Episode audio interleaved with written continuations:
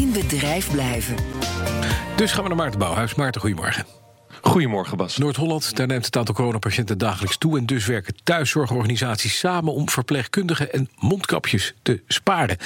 Ja, eh, thuiszorgteams om alle coronapatiënten te kunnen verzorgen. Wat moet ik me voorstellen bij zo'n team?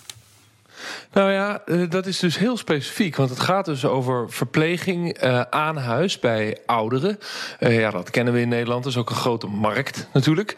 Maar nu zien steeds meer ouderen met corona. En hebben ze dus gespecialiseerde coronazorg, intensieve zorg en ook terminale zorg. Want veel van die ouderen overlijden ook. Liggen dus niet in een verpleeghuis, maar zijn dus mensen thuis.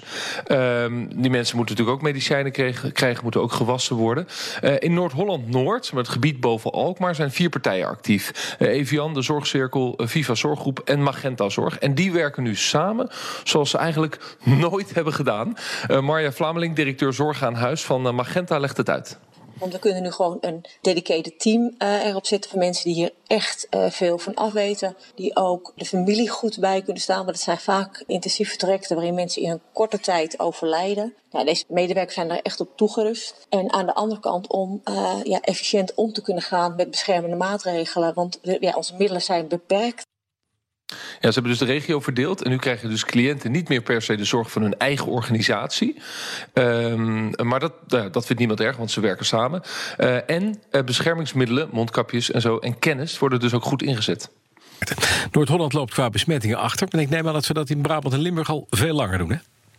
Ja, ja precies. Thuiszorg, uh, Nederland zit vol met die thuiszorgorganisaties. Ja. En dat gaat natuurlijk over het delen van kennis en ervaring. Uh, en, en het boeiende van dit verhaal is dat zij gewoon tegen mij zegt: We hebben in twee weken tijd in Nederland meer bereikt aan kennisdeling dan dat we de afgelopen twee jaar hebben geprobeerd. Uh, in Brabant, waar natuurlijk de coronacrisis voorloopt, ja. uh, waren de thuiszorgorganisaties in eerste instantie veel minder goed toegerust om de patiënten te helpen. Simpelweg uh, omdat ze de, de, patiënten en ja, eigenlijk het coronacrisis, het coronavirus nog niet zo goed kenden. Heeft er bijvoorbeeld te maken met ja, type vragen wat je stelt aan cliënten, legt ze uit. Als wij een cliënt in zorg nemen die al nou ja, slechter is en waar het de verwachting is dat iemand toch gaat overlijden aan corona kunnen we van tevoren al het gesprek aangaan met de familie van wat wil u als iemand benauwd is? Wilt u nog dat iemand naar het ziekenhuis gaat? Wilt u wel of niet bepaalde pijnmedicatie? Dus wij kunnen eerder in gesprek met de familie over uh, ja, dat soort scenario's. En bijvoorbeeld ook eerder het gesprek aangaan dat als iemand naar het ziekenhuis gaat, dat dat betekent dat de naasten niet aanwezig kunnen zijn als iemand overlijdt. Ja, al dus uh, mevrouw uh, uh, Marja Fleming. Er zijn dus thuiszorgmedewerkers die fulltime coronazorg bieden.